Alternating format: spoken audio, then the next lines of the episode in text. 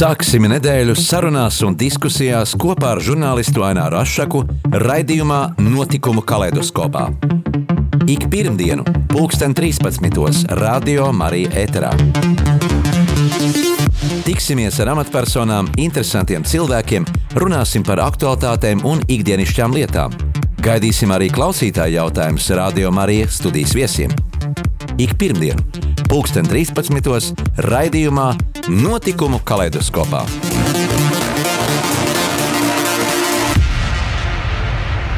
Esiet sveicināti, cienījamie radioklausītāji! Pašā Rīgas centrā jau vairāk kā simts gadus ir kāda neogotikas stilā celta ēka, kuru pazīstam kā Latvijā augstākās mākslas izglītības iestādi, tātad Mākslas akadēmija.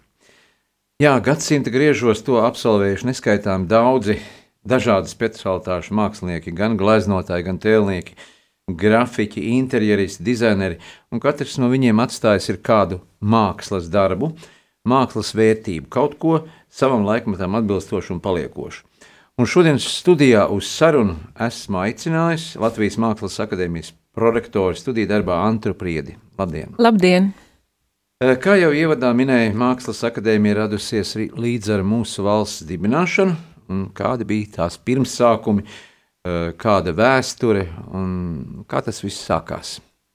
Jā, tātad eh, Latvijas Mākslas akadēmija dibināta 1919. gadā, un eh, pirms diviem gadiem, lai atzīmētu šo brīnišķīgo simtgadi, mēs arī veidojām izstādi, varbūt klausītāji un interesanti to apmeklēja Latvijas Nacionālā Mākslas muzeja izstāžu zālē Arsenāls, kur mēs caur šo simtgadus izstādi arī mēģinājām pieteikt to, kas vienmēr ir bijusi akadēmija. Un akadēmija vienmēr ir bijis radošs studiju process, kā jau jūs minējāt, izglītojot visdažādāko jomu, gan vizuālās mākslas pārstāvis, gan dizainerus, gan mākslas vēsturniekus.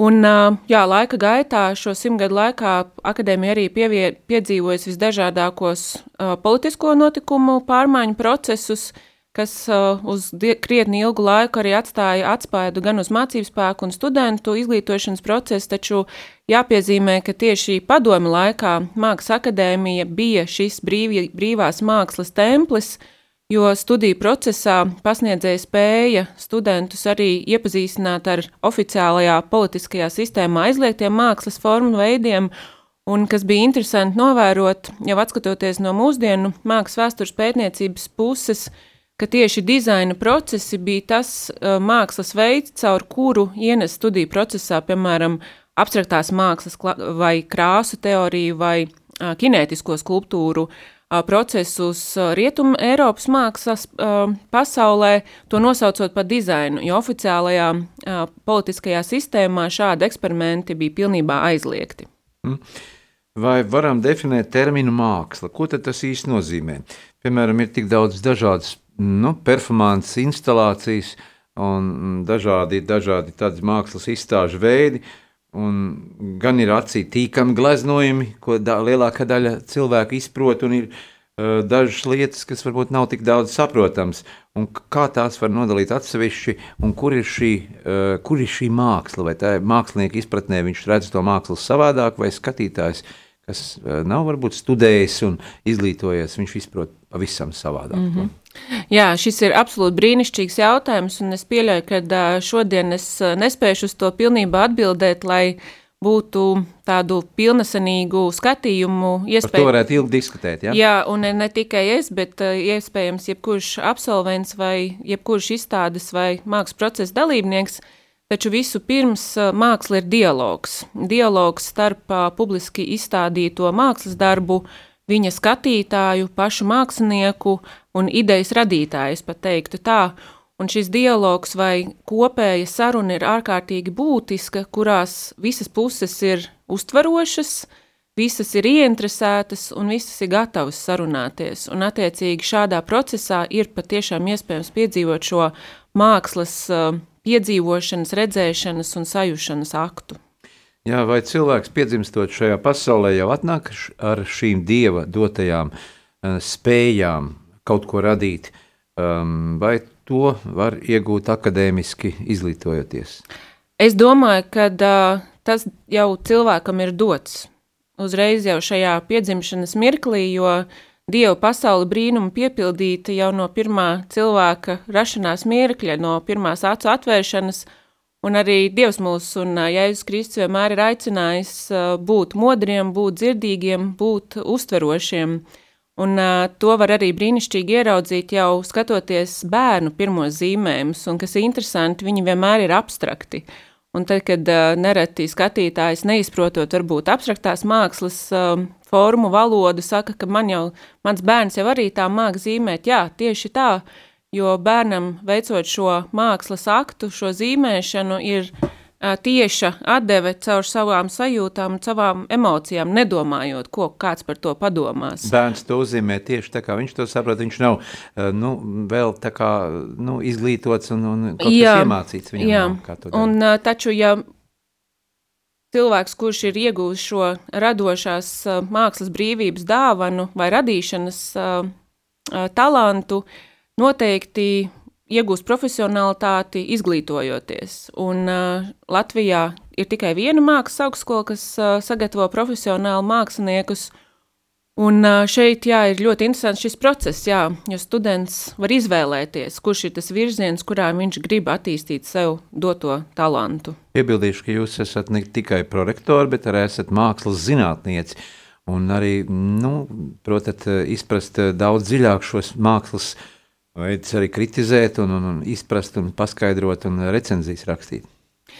Jā, profesionāli ar to vairs tik tieši nenodarbojos, vairāk veidoju studiju procesu, lai jaunie studenti iegūtu šīs spējas būt arī tiem, kas notulko, medijē, visdažādākos mākslas izpausmes procesus. Taču interesanti savos individuālajos pētījumos, kas varbūt bija uh, aktīvāki pāris gadus iepriekš, tieši šis bija ļoti būtisks aspekts, kā notulkot un kā saprotamā veidā paskaidrot, ko kāds mākslinieks ir vēlējies un izcelt viņa nozīmi arī mūsdienās, jo nereti pārskatot vēstures lapuses, mēs varam ieraudzīt kādas interesantas sakritības vai interesantas pavērsiens, kas varbūt iepriekš vēstures rakstītājiem ir uh, pazuduši tulkojumā. Jā, dosim arī iespēju mūsu klausītājiem piezvanīt uh, uz studiju, tiešraidē uzdot savu jautājumu, vai arī mm, uzrakstīt uh, īsziņu, vai arī e-pastā mm, uzdot savu jautājumu. Atgādinu, ka šodien mūsu studijas viesis ir Latvijas Mākslas akadēmijas projektora studiju darbā Antra Priede, un tātad tālruņa numurs studijā ir 67 969 131. Atkārtoju tālruņa numuru 67 67, 969, 131, vai rakstiet SMS 266, 77, 272, 266, 77, 272. Tāpat jūs varat arī e-pastā uzrakstīt savu jautājumu interesējošo mūsu viesim studija at rml.lv, studija at rml.lv. Ja reizēm ir šī nesaprastā māksla. Līdzīgi kā tas bija ar, ar, šo, ar šo skandālu, ja tā varētu teikt, pilsētas vidē, kas bija ar Kristiānu Brektas gleznojumu blakus skolai. Nu, kāpēc ir šī plaisa starp mākslinieku, kurš gribējis kaut ko radošu pateikt, un vērotāji, kas tik asi reaģē un, un, un bezmaz vai nonāk uh, tādā policijas redzeslokā viss šis, eh, šis mm -hmm. gleznojums. Jā, paldies par šo jautājumu. Jā, šī ir aktualitāte nu jau kopš augusta beigām. Un jāsaka, tas nav arī tāds viennozīmīgs atbildes sniegums šajā jautājumā, jo iesaistītas visdažādākās puses. Tur nav tikai runa par mākslinieka ekspresiju un viņa vizuālās mākslas veidu, bet par jā, neslēpsim politiskām aktualitātēm, jo, diemžēl, ir sācies gads pirms uh, saimas vēlēšanām un ir visdažādāko politisko uh, spēku paņēmieni, kā savā veidā. Mm, Tas darbojas pret mākslu. Ja? Es neteiktu, ka darbojas pret mākslu, bet šajā gadījumā tiek izmantoti mākslas izteiksmes līdzekļi, lai nodrošinātu kādu uh, informāciju, kas būtu patīkama un pieņemama konkrētam elektorātam. Uh, Un spēlējoties ar šādiem pretpoliem vai nostādot kādas grupas opozīcijā, ir vieglāk nodarboties ar politiku mūsu pasaulē. Un, diemžēl, jā, šajā gadījumā par tādu, mm, kā lai teikt, es negribētu pielietot vārdu upuris, bet kā, kā veids, kā nodrošināt šo dažādo grupu pretnotisīšanu, pa vidam ir iekļuvusi, jā, mākslinieks Kristiāns Brekte, bet, ja atka, at, atejam atpakaļ pie šī murāļa gadījuma, jāņem vērā, ka tas tomēr arī ir pasūtījuma darbs, un te nav tikai mākslinieka Kristiāna izpausmes veids, bet viņa komentārs par uh, džemas kulmes radošo mantojumu. Un, uh, līdz šim, cik man zināms, tad uh, attiecībā pret džemas kulmes radošo mantojumu nav bijušas nekādas uh, krimināla prasības. Tā kā šeit tādi ļoti dažādi. Džema tomēr bija nu, padomju laika mākslinieca. Vairāk. Ne tikai, ne tikai padomju laika, bet arī pietiekoši aktīva arī neatkarīgās otrās valsts Pēc laikā. Atmodas, jā. jā, 30 gadus. Jā. Jā, bet nu, māksla ir provokatīva. Tam var piekrist, var Jā. nepiekrist. Māksla ir provocējoša, bet, nu, ja mēs paskatāmies senajās pilīs, tādās, piemēram, Rundāls pilsētas griezta greznojumi, tur jau arī redz šos varbūt kailumus, ja, kas arī Bet tur, tur, tur tik daudz nav šīs nepatīkas un, un šīs re, sabiedrības reakcijas, kā tas bija šajā pilsētas vidē.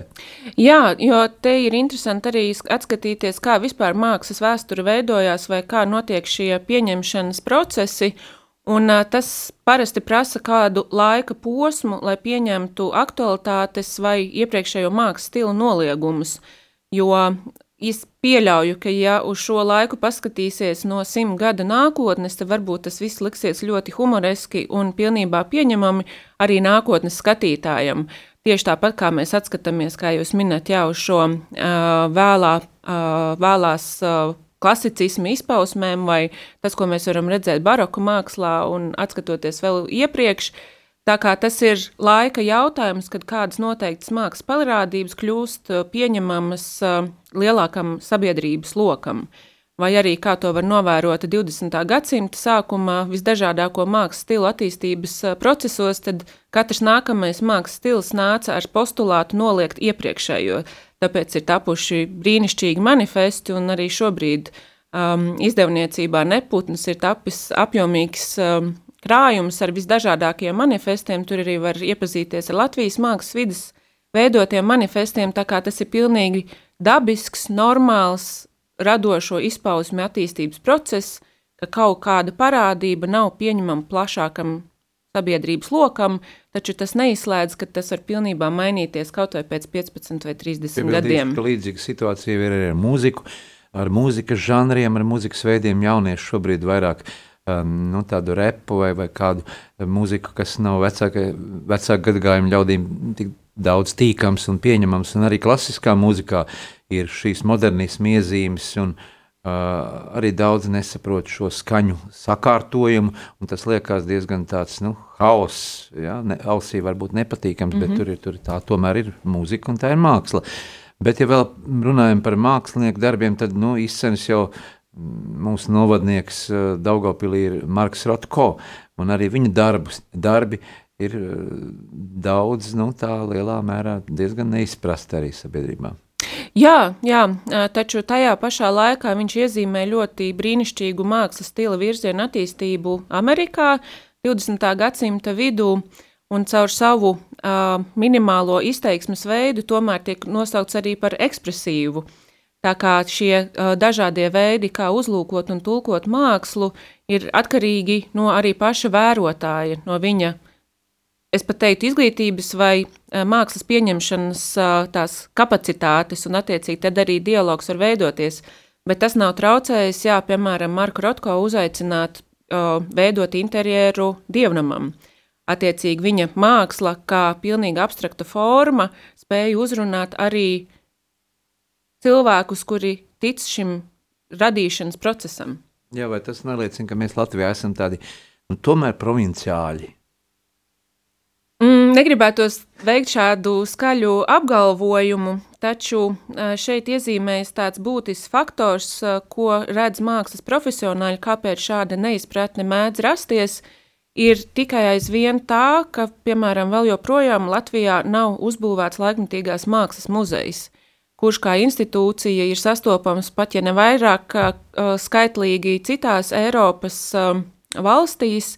Un tieši šī ir tā institūcija, kas valstiskā mērogā ir nodarbojusies ar sabiedrības izglītošanu un iepazīstināšanu ar mākslas parādībām, kas jau ir aktuālas un bijušas pieņemamas jau 60 gadu griezumā rietumu mākslas vēsturē. Un, ja mēs atskatāmies uz šiem nesenajiem skandāliem Latvijas mākslas vidē, tad par to, par ko ir bijis sašutums, mākslas pasaule jau runājusi ir pirms 60 gadiem. Un jā, šis varētu būt viens no tiem faktoriem, kāpēc varbūt šķiet, ka mēs varētu nosaukt šo uh, uztveri kā provinciālu. Jā. Bet tagad ir laiks muzikālai pauzītei. Mēs gaidām arī klausītāju zvanus vai arī jūsu jautājumus studijā. Atgādinu, ka mēs šodien sarunājamies ar Latvijas Mākslas akadēmijas projektori studiju darbā Antru Priedi. Pēc brīža sarunu turpināsim.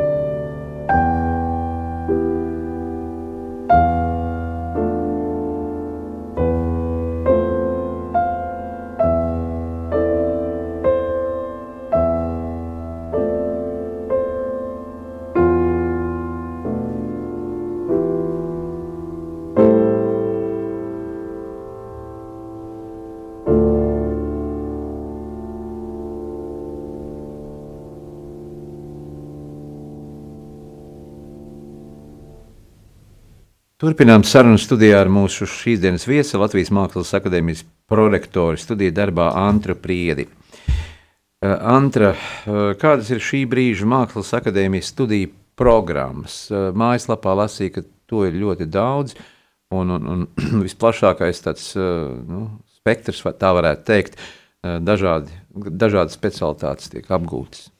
Jā, jāsaka, ka šobrīd laikam kā nekad uh, ir tik daudz šo apakšnozaru un izvēlu iespēju mūsu topošajiem vai jau esošajiem studentiem.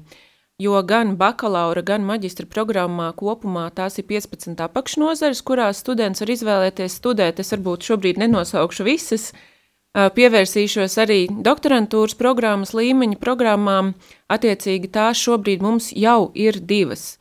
Ja līdz šim visā Latvijas augstākajā izglītības sistēmā bija zinātniskā doktorantūra, tad kā īpašs pienesums tieši doktorantūras programmām ir mākslas doktora studiju programma, ko Mākslas akadēmija realizē sadarbībā ar Latvijas kultūras akadēmiju un Latvijas mūzikas akadēmiju. Un pirmo reizi mūsu neatkarības patstāvēšanas laikā arī mākslinieks var iegūt praktisko doktora grādu, kas, manuprāt, ir tāds ārkārtīgi liels ieguldījums vispār mākslas pētniecībā un izpratnē par to, kā veidojas māksla, kā viņu saprast, kā viņu radīt un, attiecīgi, kā tālāk viņu arī nokomunicēt skatītājam.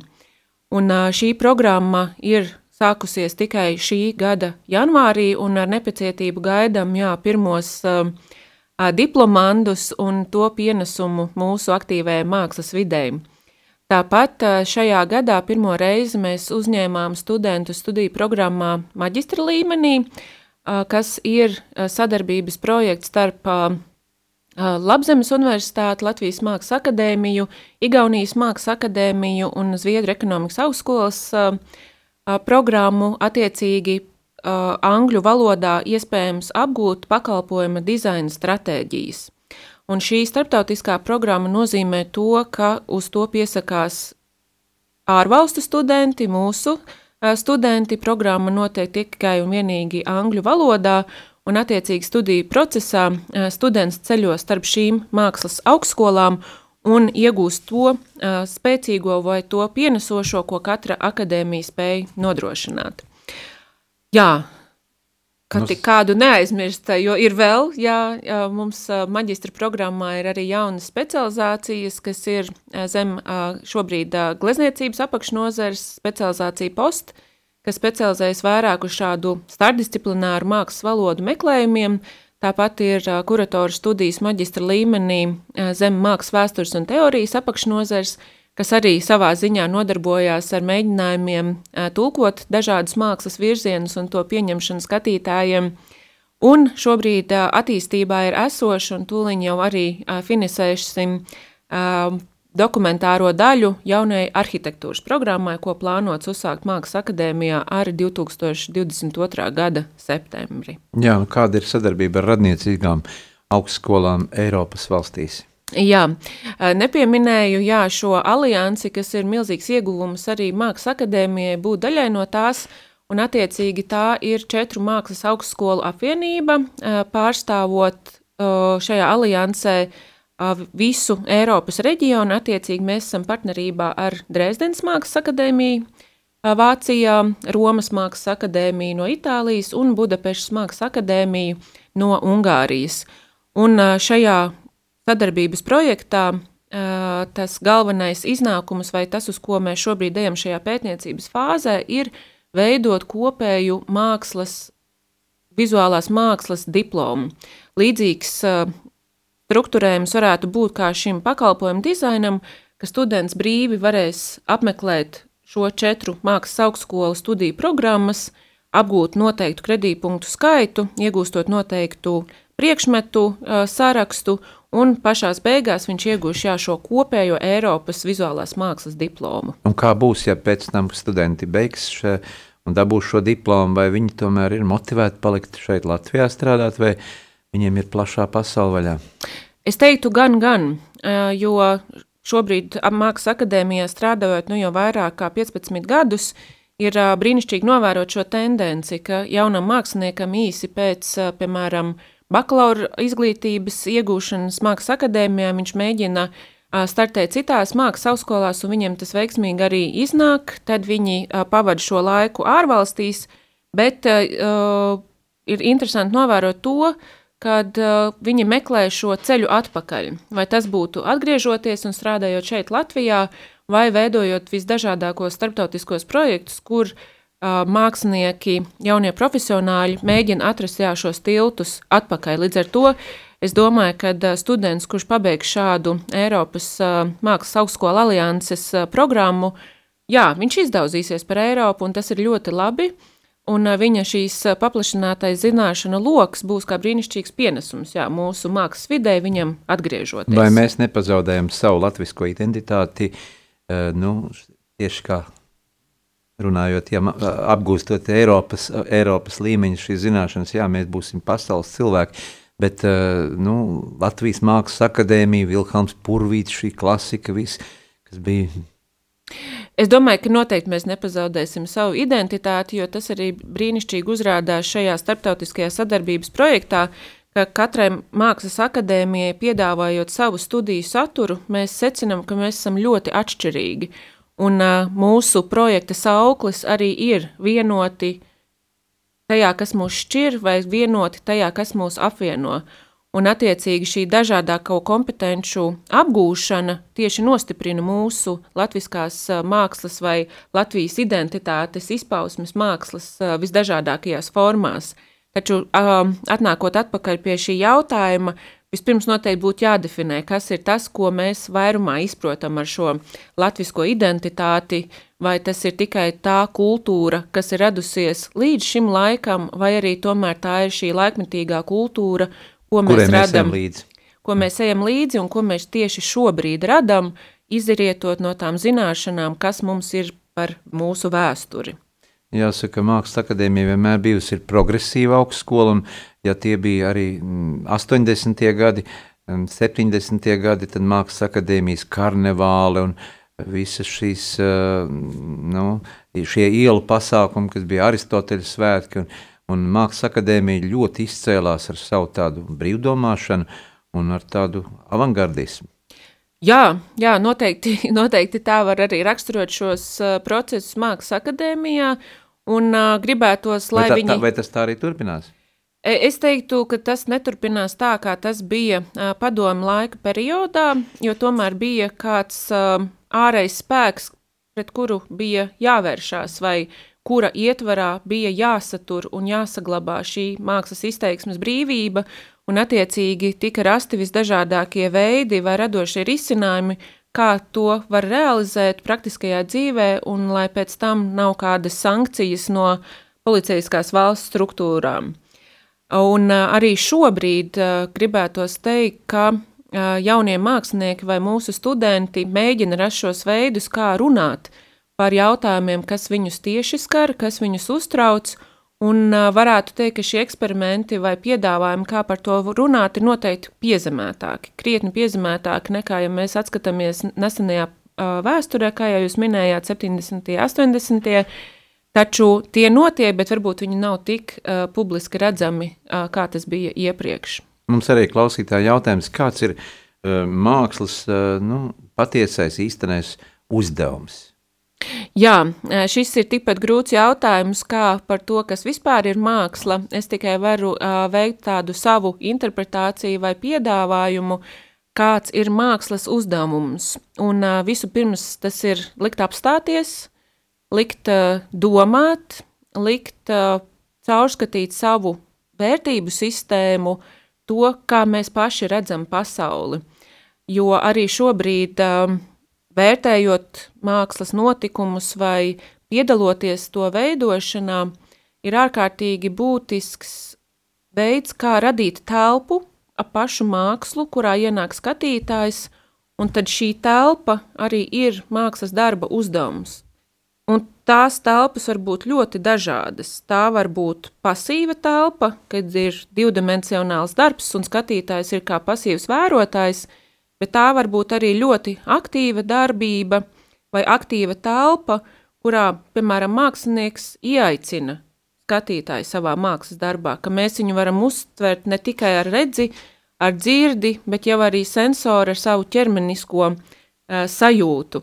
Un šeit tad attiecīgi pakāpjoties uz priekšu arī tad var tā pavērst, jā, varbūt šīs divas iespējamās telpas, caur kurām skatīties mākslas uzdevumu, kāpēc vispār tas mākslas darbs tik radīts. Jā. Mm -hmm. Mākslinieki parasti mēs iztēlojamies ar Molbertu, tad viņš ir kā šo individuālu šo darba veids ar otru zīmē, vai telnieks rada kādu nu, statuju, pieminekli, bet vai varam runāt arī par terminu kolektīvā māksla, kurā iesaistās daudz cilvēku, liels cilvēku skaits, un arī tas rada mākslu. Nu, varbūt ne tiešā veidā tas ir uzzīmēts vai kaut kā tādā veidā radīts, bet tas ir kāda zibakcija, piemēram.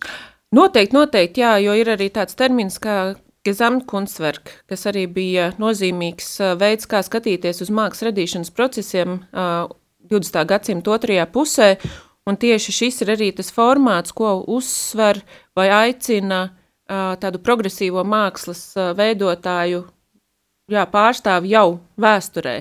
Tā kā tam ir jau tāds konkrēts apzīmējums, taču, ja jūs pieminat jā, šīs zibakcijas, nu, tur jāskatās, jā, kāds ir tas vēstījums, ko vēlās panākt. Varbūt šī, kāds protests. Jā, kopējā. Jā, noteikti, noteikti, jo uh, Es to vairāk sasaistītu ar performances, mākslas izpausmēm, jā, kad tas, ja, ja, ja jāiedod šim kopdarbam kādu apzīmējumu, lai viņu sasaistītu ar tādām jau pieņemtām mākslas formām, tad es vairāk, jā, varbūt pieminētu šo performances Tā mākslu. tomēr nav tāda paliekoša vērtība. Tā ir paliekoša vērtība un arī interesanti novērot, kā viņas tiek saglabātas dažādos rietumu Eiropas muzejos, un vispirms tā vienmēr ir bijusi fotografija, kā ļoti uh, līdzdalība, uh, līdzdalīgs uh, mākslas veids tieši performanču mākslā, jo uh, sākotnēji tādā veidā tika performances iemūžinātas, un arī uh, šodien, jā, protams, tas ir video, uh, Jo ir, jā, kā jau zināms, video māksla un arī šajā gadījumā video kā mēdīs, kā uh, iedzīvināt un kā saglabāt performanci, taču šeit jāatkāpjas atpakaļ ir tieši uz šo mākslas pieredzēšanu, šo iedzīvošanas telpu, kurā to pilnīgo vai to uh, klātesamības mirkli, kā to aprakstā Benjamins, uh, mēs varam piedzīvot tikai klātienē, esot šajā performancē, esot šajā akcijā un dalot šo telpu ar apmaiņu, kāda rodās arī citiem cilvēkiem. Tikpat labi tā var būt blakus kāda nepatika, jo nav jau arī tā, ka visi mākslas veidi ir pieņemami pilnīgi visiem, un tas ir tikai normāli. Un vēl ir jautājums par, par mākslas darbu vērtību. Kas to nosaka? Mm -hmm. uh, glezna, nu, ar skulptūru, uh, viņai ir noteikti kāda vērtība. Ar laiku varbūt tā vērtība ceļās, varbūt tas ir mākslinieka vārds. Uh, Eh, kas nosaka šo vērtību? Es esmu dzirdējis daudz arī. Mēs zinām, ka ir šis Solsberī uh, izsoļu nams, uh, un neapšaubām tur apakšā atkal ir biznesa, ja, pārpirkšana, mhm. pārdošana, mākslas kolekcionāri. Bet tad, kas nosaka šīs gleznas vērtību un, un kādi ir mūsu nu, pelnošākie, varētu teikt, uh, mākslinieki Latvijā? Jā, jūs jau arī minējāt šos atsevišķos kopumus, kas mūsdienās nosaka mākslas vērtību, un viens ir, jā, domājot arī par to, par neseno muzeja iepirkumu, kas arī bija tāds brīnišķīgs notikums vispār nesenās Latvijas mākslas vēstures saglabāšanas kontekstā, ka beidzot bija iespējams rast Covid-19 apstākļu dēļ finansu līdzekļus, kā palīdzēt mūsdienu māksliniekiem, un attiecīgi tika veikts viens no vislielākajiem muzeja iepirkumiem. Un veids, kā vērtēt šos darbus, kā skatīties uz viņiem un kā tiešām atlasīt tos, kuri būtu uh, jāiepērk, bija visdažādākie kritēriji.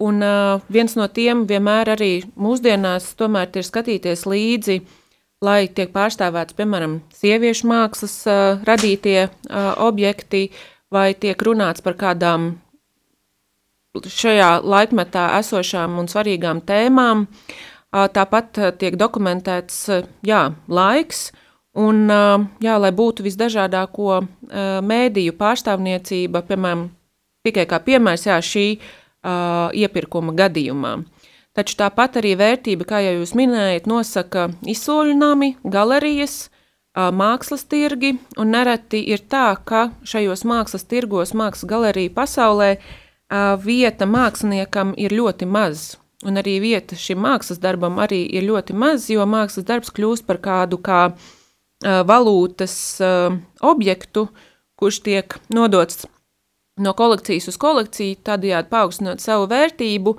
taču nereti jā, ar pašu mākslinieku tur vairs ir uh, maz uh, sasaistes. Mm. Taču vienmēr ir uh, prieks redzēt māksliniekus un arī Latvijas māksliniekus, kas iekļaujās šajā mākslas tirgū, jo uh, Protams, ikvienam jaunam studentam, sākot studēt Mākslas akadēmijā, ir šis ideāls, ka viņš kļūs par mākslinieku un spēs pelnīt no šī profesionālā grāda, taču dzīve pierāda pretējo, ka tas nav tik vienkārši un ir jāpiepelnās citur. Taču... Ne visi var būt ģēniji, jābūt arī šiem, mm, šiem No plašās es, mākslas. I, arī jā, bet eh, te ir tā, nu, jā, es laikam ne, nelietot šo ģēniju, varbūt uh, apzīmējumu, jo nereti ģēnijas ir tieši tas, kuram visgrūtāk ir uh, iekļauties šajā mākslas tirgū, jo viņam nav pieņemami šie citi mehānismi, kas nav tieši saistīti ar mākslas radīšanas procesiem. Taču, ja mēs runājam par tādiem pelnošākiem māksliniekiem, tad um, tas noteikti jā, ir Jānis Avotiņš, cik man zināms, jā, no jauniem māksliniekiem. Tieši nesen vakar, jā, mūsu Mākslas akadēmijas galerija Pailata finišēja savu dalību Viļņas mākslas mesē, kur tika pārdots jaunā mākslinieka Miķeļa Mūrnieka darbs, un arī mūsu galerijas telpa ieguva skatītāju vērtējumu balvu, ka tas, ko piedāvā mūsu studenti, ir jā, ļoti pieņemams un skatāms Viļņas mākslas un interesanti kultūras publikai.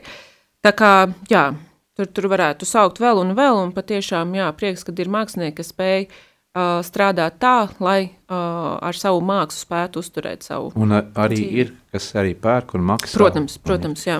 Jā, pēc brīža sarunu turpināsim. Atgādinu, ka mēs sarunājamies studijā Latvijas Mākslas akadēmijas prorektoru studiju darbā Antru Priedi, tad, tad atkal lai skan mūzika.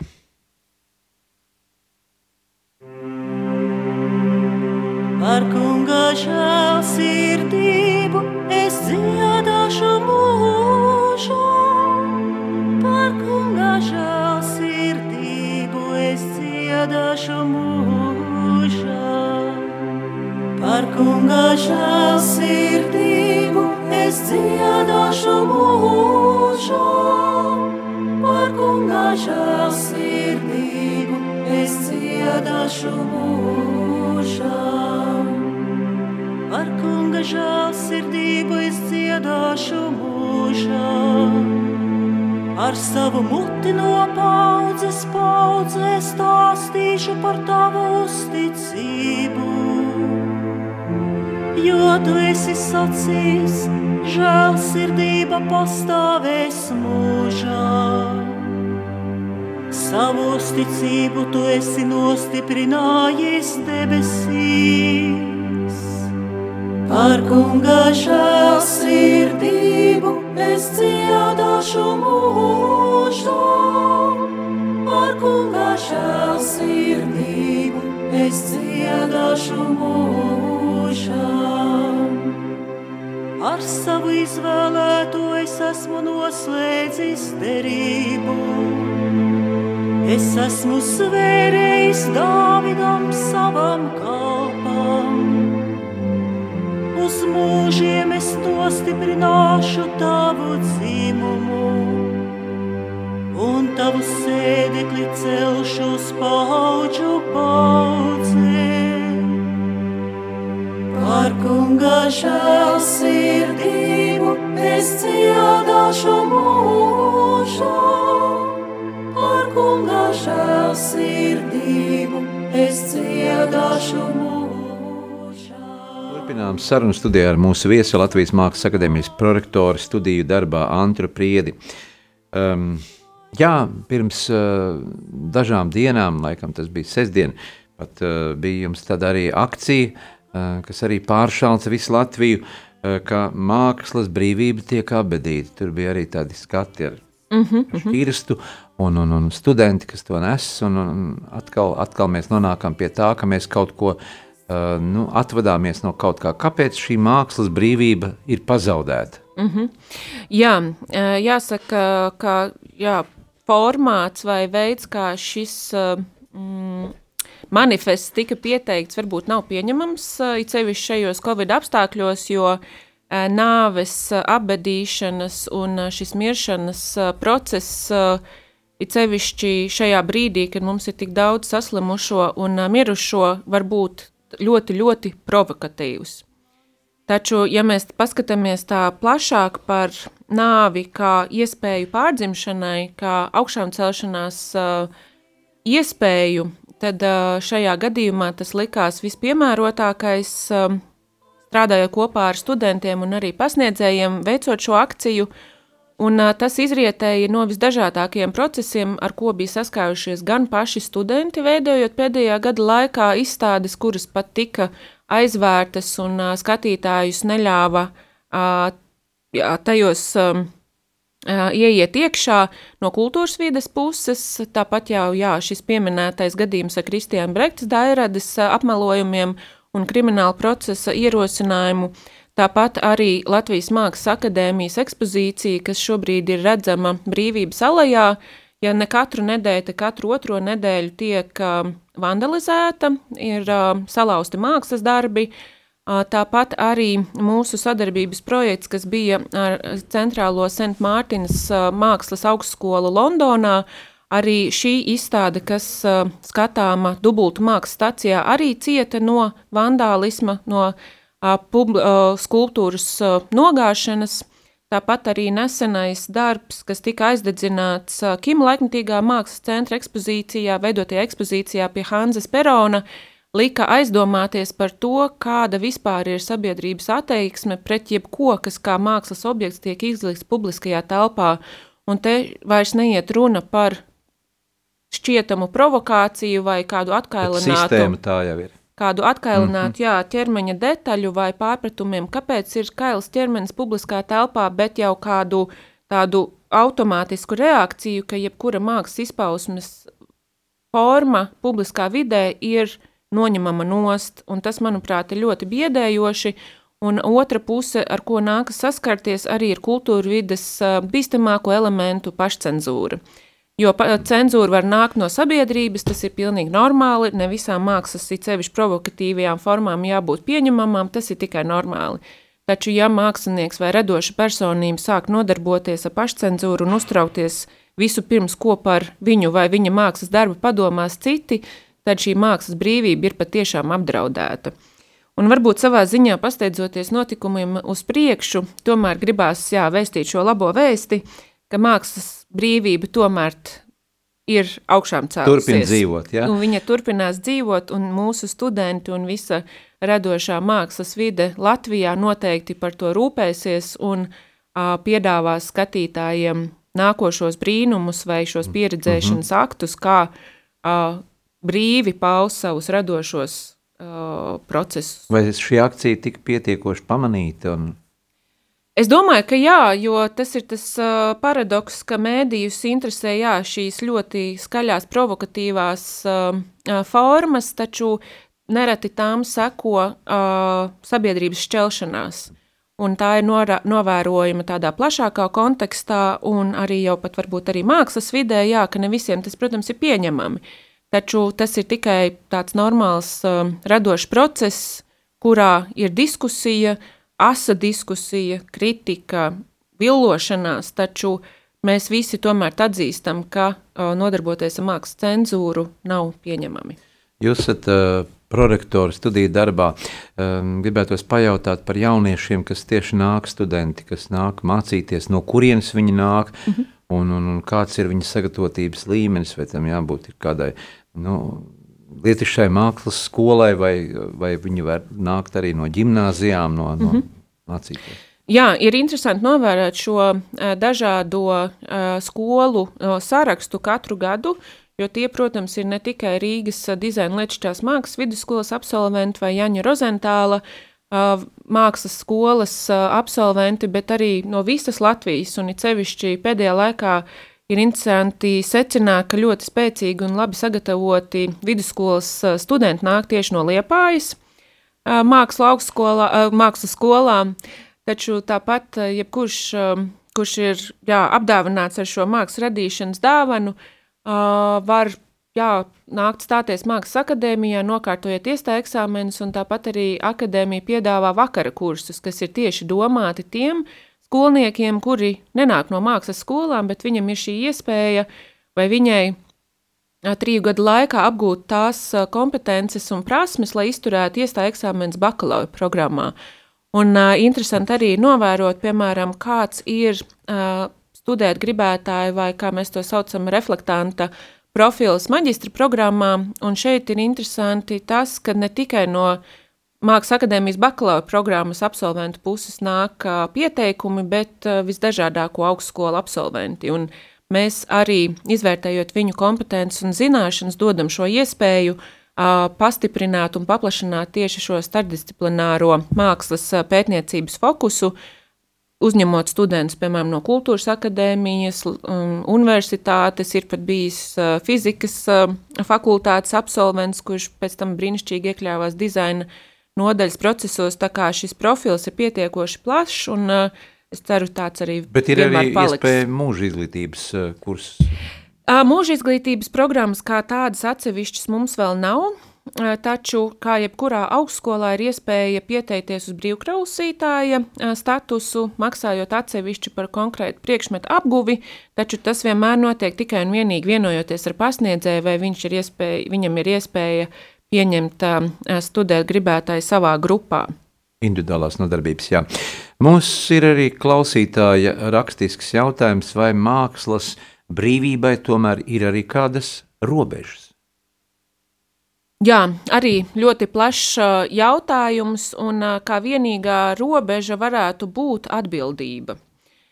Jo māksliniekam veicot savu darbu vai radot to kādam konkrētam virzienam vai viņa cienītāja lokam, viņam arī jābūt atbildīgam par savu mākslas darbu uh, radīšanu, izstādīšanu un to rezonanci, kāda tāda varētu būt.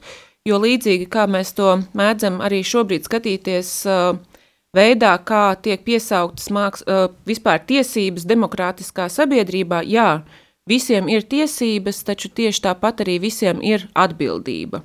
Un šķiet, ka tas varētu būt atbildes variants, jā, ja mēs domājam par šo mākslas brīvību. Es teiktu, ka valstī tikai robežas ir Bet nu, tā, tā, tā, tā ir tāda individuāla un saprotama lieta, ka, kas, kas ir etiski, kas ir neētiski, varbūt katra cilvēka uztverē. Gribētu pajautāt, kā notiek mācību studiju process šajā sarežģītajā laikā. Mm -hmm. Mēs jau te pieminējām Covid laiku, un nu, kā mākslinieki to visu pārdzīvo, pārcieš, ka tomēr nevar sarīkot arī šīs publiskās izstādes un ceļot, mhm. piedalīties mm -hmm. izstādēs citur. Jā, jāsaka, attālinātais studiju process, kas bija pilnīgi attālināts nu jau gandrīz pusotru gadu, bija pietiekoši izaicinošs. Un šeit gribētos pievērst uzmanību tieši visdažādāko, nu tiešām visdažādāko mentālās veselības jautājumu lokam, jo tieši radošās vidas pārstāvi ir tie, kuri, es pat teiktu, cietajā no šiem visiem Covid-19 pandēmijas radītajiem apstākļiem, jo bija ārkārtīgi grūti atrast daļai studentu motivāciju, kāpēc vispār turpināt nodarboties ar radošo procesu, ja nav iespējams par to runāt publiski vai artikulēt, piemēram, skatītājiem. Taču neatkarīgi no šī mēs spējām noturēt studentu studiju procesu. Mūsu absolventu skaits nav krities, un interesantu vai reflektantu skaits ir tikai pieaudzis.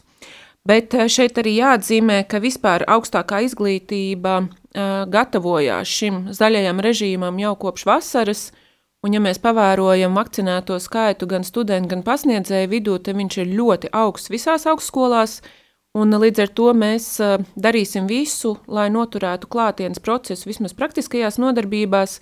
Daļa teorētiskie priekšmeti ir tāpat palikuši attālināti, nodrošinot uh, pieeju studentiem visiem priekšmetiem, jo Šajos teorijas priekšmetos tomēr miksējas dažādas grupas, taču klātienes nodarbības vismaz ar septembru mums ir sākušās, un mēs viņas realizējam drošos zaļā režīma apstākļos, kas nozīmē, jā, ka tikai vakcinēti vai pārslimojuši var nākt uz akadēmiju, un nu jau tas ir uh, 90% liels skaits no visiem studējošiem. Mm, Jā, tad jūs situāciju izprotat savā augstskolā. Protams, protams, jā. Vēl jautājums ir, kā ar, pasniedzēju maiņu, jo šie vecie profesori pasniedzēji ir um, tomēr jau aizgājuši daudzi no šīs pasaules, paliek viņu darbi, paliek viņu skola, bet kas nāk vietā, kādi ir audzēkņi? Jūs domājat, jaunie pasniedzēji? Jaunie pasniedzēji. Jā, uh, brīnišķīgi nāk vietā. Vienmēr Mākslas akadēmijas pasniedzēji ir tie, kas iedvesmo savus studentus un burtībā parāda viņiem ceļu, kā realizēties uh, aktuālajā mākslas dzīvē. Un šeit uh, gribētos arī akcentēt, kad uh, nereti domājot par pasniegšanu- pasniedzēju uh, pieņemšanu, kā vērtēt pasniedzēju darbu, tad viens no būtiskākajiem aspektiem ir, ka viņš vai viņa paliek aktīvi savās radošajās mākslas izpausmēs, jo tikai tādā veidā uh, pasniedzējs var nodot savas zināšanas, savu izpratni par mākslu uh, jaunajam studentam. Un, uh, tas ir interesanti arī atsevišķos procesos novērot, ka nereti mūsu pasniedzēji mēdz būt pat tādi uh, jauneklīgāki vai pat progresīvāki par saviem studentiem, piedāvājot dažādas tēmas vai to uh, kon kontekstualizēšanas un izpratnes veidus. Tā kā jā, šobrīd redzu, ka mūsu pasniedzēju, sevišķi jaunais lokus, ir ļoti atvērti, uz dialogu vērsti un vienmēr ir gatavi sarunai. Jā, mūsu saruna tuvojas noslēgumam, un kāds būtu novēlējums rādījumam arī klausītājiem? Jā, ieraudzīt uh, dieva brīnumu visās mākslas izpausmes uh, formās. Jāsaka, ka bez māksliniekiem jau arī nebūtu šī brīnuma, jo, jo tomēr visi sienu gleznojumi, telniecība, skulptūras arī gan baznīcās, gan arī pilsētas vidē, nu, tas ir uh, mākslinieku darināts roku darbs, un ar to mēs varam lepoties, ka mums Latvijā ir šādi izcili meistari un izcili pasniedzēji un izcila skola, kas ir sagatavojusi, tā ir Latvijas Mākslas akadēmija. Uh, Paldies vēlreiz, ka jūs atradāt laiku, lai šodien pabūtu kopā ar mums šeit, Radio Marija Latvijas studijā. Atgādinu, ka mēs sarunājamies ar Latvijas Mākslas akadēmijas prorektoru studiju darbā ar mākslas zinātnieci uh, Antru Priedi. Paldies! Paldies jums, sirsnīgs! Sāksim nedēļu sarunās un diskusijās kopā ar žurnālistu Aināru Rošu raidījumā Notikumu kaleidoskopā. Ik pirmdienu, pulksten 13. Radio Marija Eterā. Tiksimies ar amatpersonām, interesantiem cilvēkiem, runāsim par aktuālitātēm un ikdienišķām lietām. Gaidīsim arī klausītāju jautājumus Radio Marija studijas viesiem. Ik pirmdienu, pulksten 13. raidījumā Notikumu kaleidoskopā.